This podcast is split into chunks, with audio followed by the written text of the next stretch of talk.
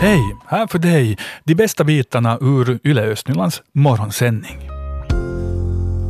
Nu ska det handla om små goda smakbitar. Matevenemanget Smaku ordnas nu för fjärde gången i Borgo och pågår fram till den 23 augusti.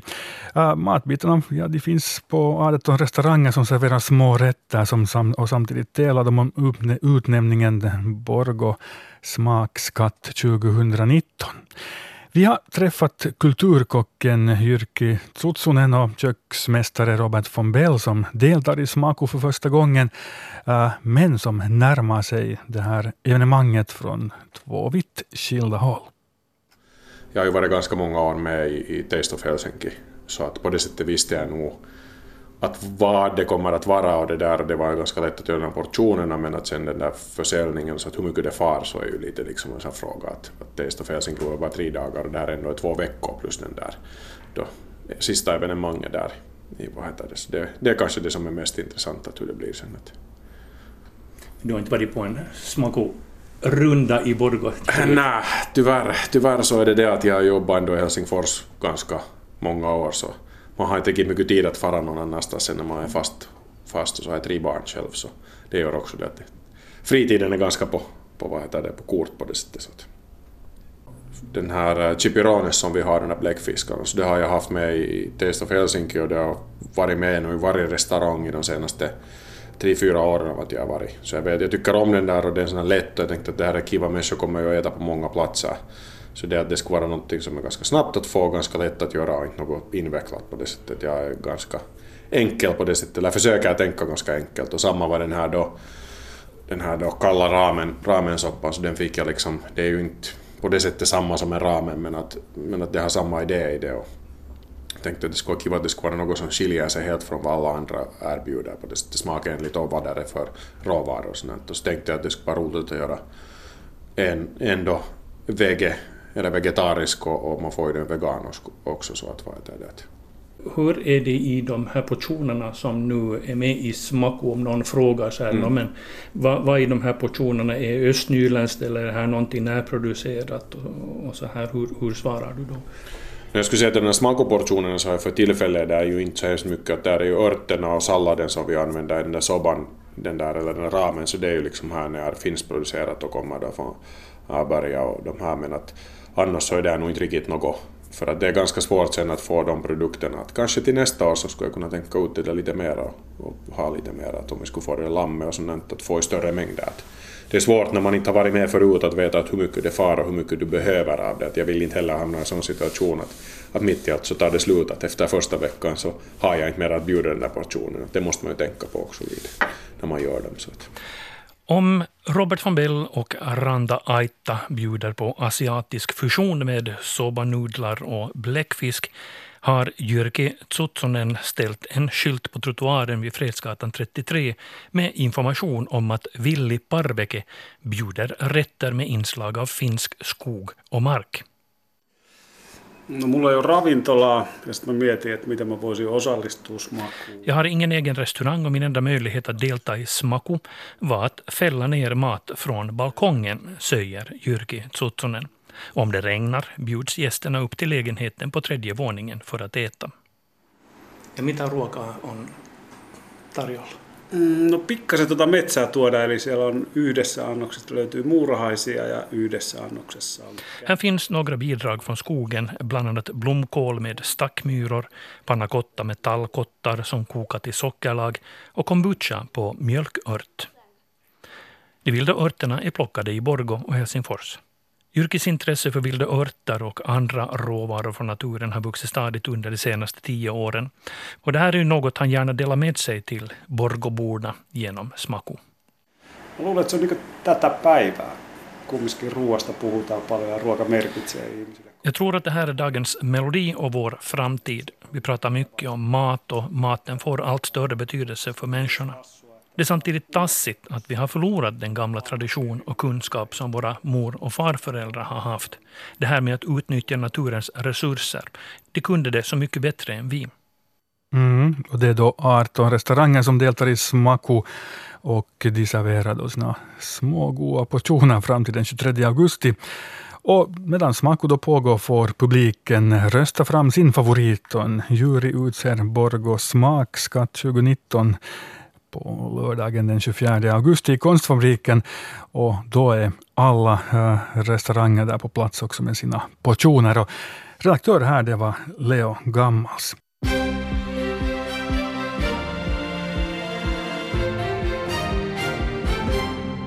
Klockan är halv nio. Jag heter Helena von Aftan. God morgon. Vi ska börja med vårdreformen. Borgostad tror inte på en landskapsmodell men ser eh, positivt på att Nyland kan få en särlösning. Eh, I somras beslöt regeringen att det ska bildas 18 landskap för social och hälsovården i Finland. Nyland har en mycket större befolkning än de andra landskapen och nu finns det planer på att dela upp Nyland i fem vårdområden. Borgås stadsdirektör Jukka-Pekka Ujula anser att det inte lönar sig att skapa en tredje förvaltningsnivå. Och han säger att räddningsväsende och miljöhälsovården inte bör överföras till landskapen. Ujula uttrycker också oro över vårdreformens strama tidtabell. Sibbo kommun är beredd att betala för den eventuella förlust som järnvägsförbindelsen Nickby-Kärvå skulle resultera i. Enligt Helsingforsregionens trafik borde hälften av tågförbindelsens Sens kostnader täckas av biljettintäkter och hälften av kommunandelar. Den extra summa Sibbo kommun skulle kunna betala är den som uppstår om biljettintäkterna inte är tillräckligt höga. Kommunen skulle vara beredd att stå för kostnaden på hela banavsnittet under järnvägslinjens fem första år eller tills trafiken har blivit löst, lönsam. I de preliminära uträkningarna kunde persontrafiken mellan Nickby och Kärvå komma igång mellan 2025 och år 2030. 200 skarvbon kan ha förstörts i Borgå. Spåren av omkringströdda äggskal på kobben där skarven häckar tyder på att det är människan som ligger bakom förstörelsen. Det är osannolikt att minken eller havsörnen kunde åstadkomma en sån förödelse. De skulle heller inte lämna liknande spår. Den här händelsen har dock inte polisanmälts. I Borgå har skarvborna minskat med 28 procent jämfört med i fjol. I Sibbo och Lovisa är däremot antalet boende samma som tidigare. Skarven är fridlyst i hela Finland och får inte dödas eller störas.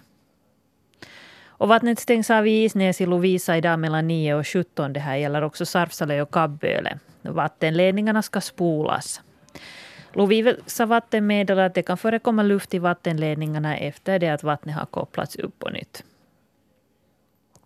Och övriga nyheter. Amerikanska forskare säger att de har lyckats utveckla två läkemedel som är effektiva i kampen mot blödarfebern ebola. Läkemedlen har testats under den pågående ebola-epidemin i Kongo-Kinshasa där 70 procent av de som har smittats dör av sjukdomen. Och så vädret. Det blir halvmulet och uppehåll och temperaturen är där kring 20 grader. Ja, skollivet är igång i Borgo och kommer igång imorgon i Lovisa och sätter igång idag i Sibbo. Här från nyheterna hörde vi hur Rebecka Svedberg tittar lite på miljön och omgivningen kring Nickby hjärta och skolorna i Nickby centrum. Där ska det asfalteras och det byggs och det var ganska stökigt. Äh, kanske inte den bästa kombinationen då med skolstart. Nu Rebecka har du tagit dig in till Nickby hjärta.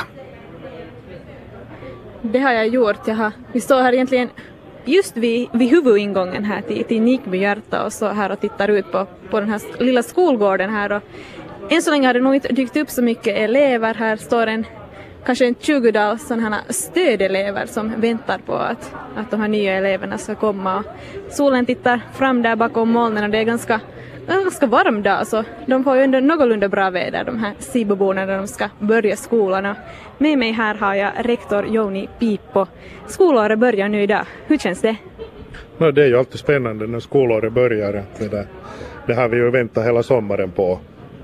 Ja, säkert eleverna också väntat på att få komma till skolan.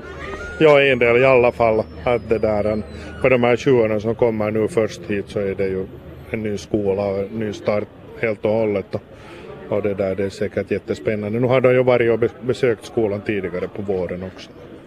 Ja, men, ja, nu är det ju ändå en, en, spännande sak och just nu här då framför oss där nere är den där stora byvägen som är lite kaos så att hittar skoleleverna nu hit till skolan eller hur påverkar det nu att det är nu lite kaos där på stora byvägen nu idag? No, det är ju inte kanske optimalt vad jag hörde sen att, att det har börjat asfalteringsarbeten äh, där men, men det där, äh, största delen av våra elever stiger ju av vid, vid terminalen och kommer den där andra vägen att det påverkar ju inte på det viset men, men det där nu har det ju nu har vi ju sen det här skolgården är ju annorlunda än, än, än i fjol och därför tänker vi idag gå med alla elever på gården och titta vad är skolans riktiga område och lärarna kommer att göra det. Mm, och det är ju nog bra det för att det är ju så att här då på andra sidan där bakom oss där på andra sidan huset så byggs det en ny del till den här skolan och det är väl den då som gör att det inte finns så mycket skol, skol så här, skolgård. Vad allt är det som händer där på andra sidan skolan? Ja, på andra sidan skolan så är det ett stort bygge. Det ska byggas en, en flygel till till Nickby hjärta och det kommer cirka 250 finskspråkiga lågstadieelever till den skolan och det är en ganska massivt bygge. Att till exempel jag har inte fönster mera och, och arbetsrum är murade, fönstren är murade igen och sånt här. Att det påverkar ju på det viset nog. Jag var och tittade där och de stora fönstren var helt smutsiga. Det hade strittat upp något lera på dem och sen såg man att de var så här intäckta. Men att hur påverkar det här nu då skolan? Påverkar det något där inne hos er eller är det bara den här skolgården? No, egentligen så hade de lovat att det skulle inte påverka vår, vår det där vardag på något annat vis. Att matsalen och vår uppträdande, scenen är, är liksom en och en halv meter mindre än tidigare. Allt, allt annat torde fungera som tidigare också. Men skolgården är annorlunda och därför, därför måste man fundera på det där att och vara noga, noga med det att eleverna vet var gränserna går. Och det där, därför går ju lärarna igenom det här sen idag. Finns det tillräckligt med skolgård nu sen att de har någonstans att vara på rasterna?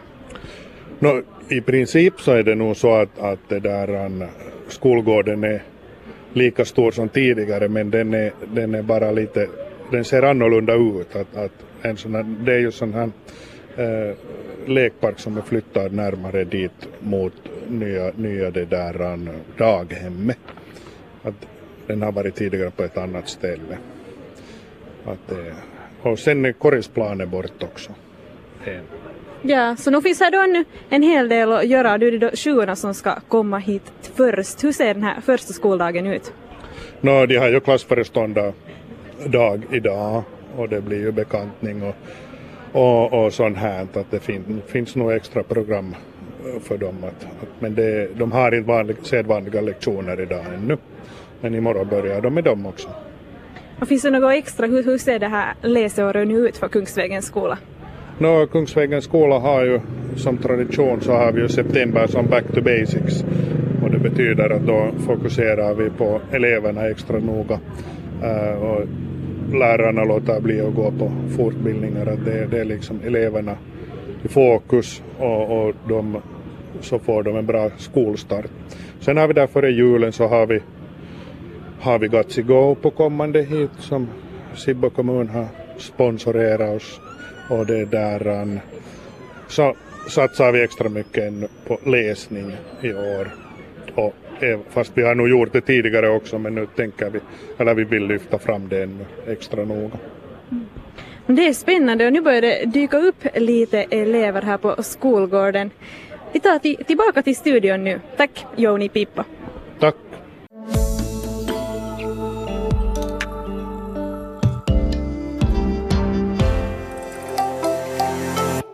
När det gäller att ta sig fram till hav så eh, är det är bra om man lär sig navigera på något sätt. Där ställer Borgå navigationsklubb till exempel upp. Och du Pontus, här som morgonreporter, du har talat med eh, ja, chefen, hederskommodoren för Borgå navigationsklubb. Och de har ja, nyheter på gång. Ja, de har alltså en sån ny simulator som de nu kommer då att använda i den här navigeringskursen som de erbjuder då, då för de som deltar. Att, uh, det, som han berättade så det fungerar lite som en sån här, uh, den där simulatorn man får prova när man tar körkort. Um, och det här är då till för såklart att man ska få känna på hur det är så där, så, så verkligt som möjligt känna på hur det är att navigera de här båtarna på riktigt. Mm. Och du ringde upp honom här tidigare i morse. Ja. Den största fördelen är ju det att uh, man så att säga ser hur det ser ut i verkligheten.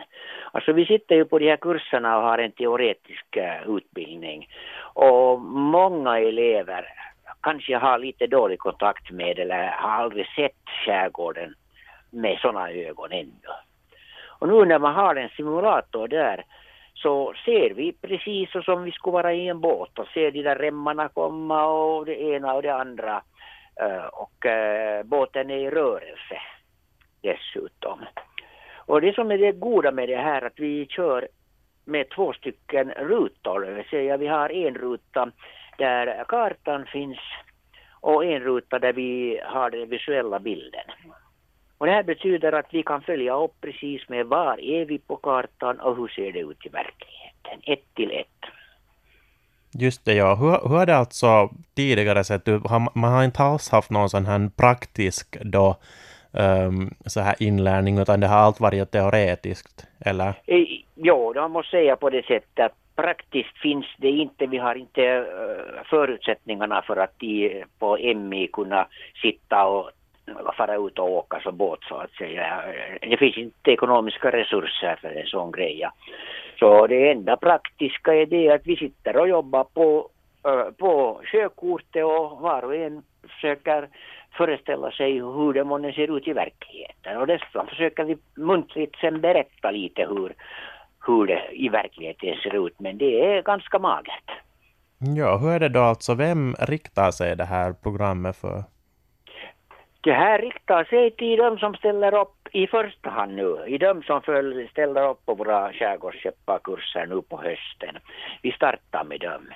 Det vill säga det är frågan om eh, människor allt mellan, vad ska vi säga, 12 till eh, 50 plus som eh, tycker att de inte kan navigera. De kanske vill börja åka på sjön och vill lära sig först vilket är en bra grej att först gå och lära sig och sen åka ut. Eller så är det människor som har varit tidigare lite på sjön men nu vill få lite mer teori bakom det hela. Vi utarbetar den här, det kursprogrammet under hösten, vi i arbetsgruppen och äh, vad heter det, startar med de första kurserna i januari. Och vi utvärderar sen hur det har gått och så funderar vi på fortsättningen.